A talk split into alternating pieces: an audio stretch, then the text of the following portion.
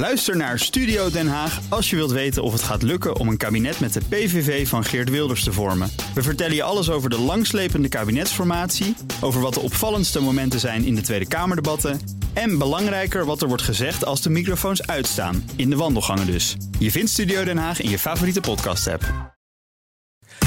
Hoor je dus nooit meer het geluid van de roffelende vecht? We gaan naar Fact Guru Frank Leeman. Frank, goedemorgen. Goedemorgen. Nou, het is net 20. Allereerst de beste wensen, Frank.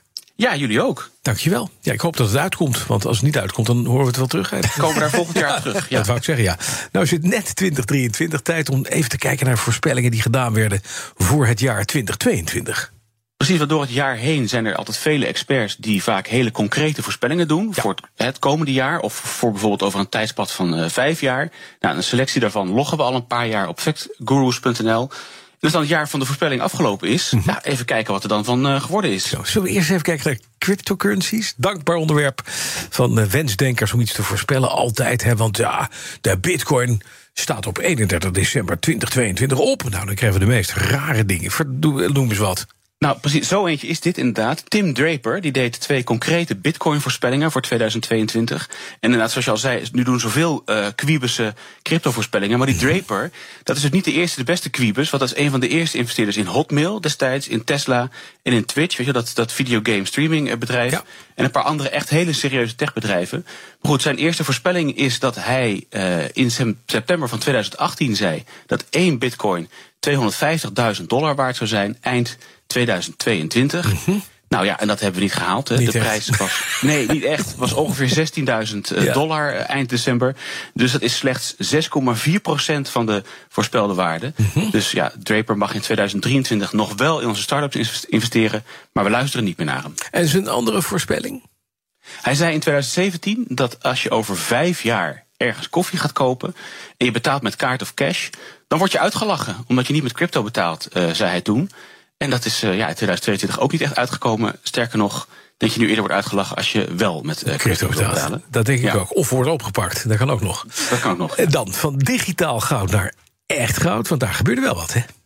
ABN AMRO schreef 16 december 2021 een vooruitblik eh, op de goudmarkt... waarin ze aangeven dat 2021 een negatieve markt was voor goud... en dat ze die daling door eh, zullen zien zetten. En dat ze daarom denken dat goud 1500 dollar per ounce eh, zal zijn eind 2022.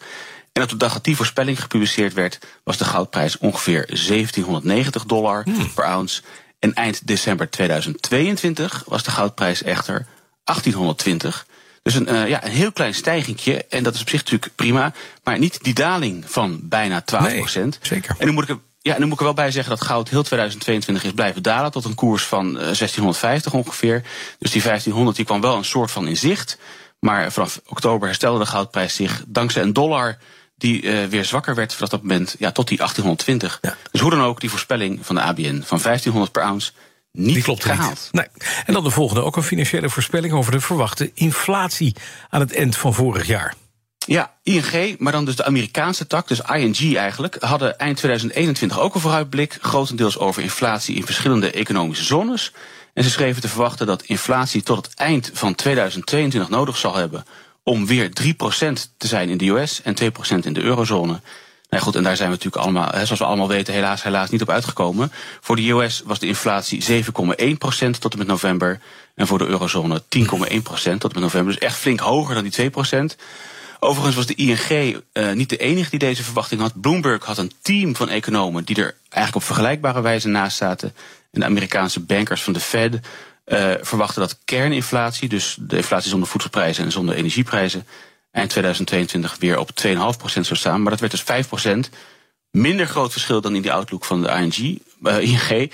Maar eh, ja, toch ook nog twee keer ernaast. Ja, zeker. Volledig daarnaast. Dan nog twee losse internetvoorspellingen. Op nu.nl was in november van 2018 te lezen, naar aanleiding van een rapport van Cisco Systems, dat het aandeel van PC's in het totale internetverkeer zou afnemen tot 19% in 2022. En dat eh, mobiel enorm zou gaan groeien. Nou, dat mobiel enorm zou groeien, dat eh, verbaast niemand als voorspelling, denk ik. En er zijn verschillende partijen die dit in proberen te schatten.